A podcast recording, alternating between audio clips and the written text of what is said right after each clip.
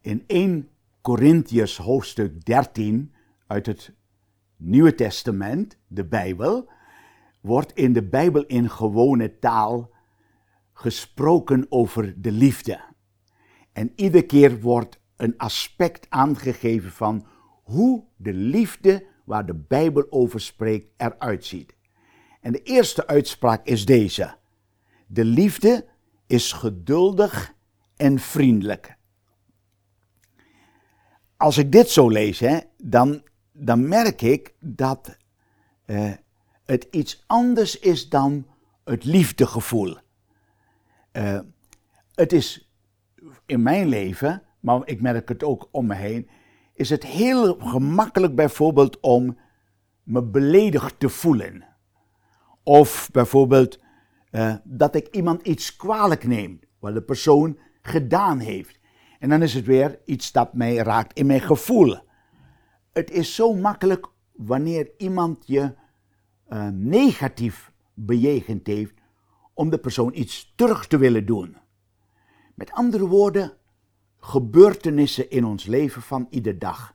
De wijze waarop wij met mensen omgaan, maar ook hoe anderen met ons omgaan, maakt dat we ons zo vlug en zo gemakkelijk geïrriteerd, beledigd voelen, dat we tussenzijde geschoven worden, geminacht worden enzovoort. Met andere woorden, dat mensen ons raken.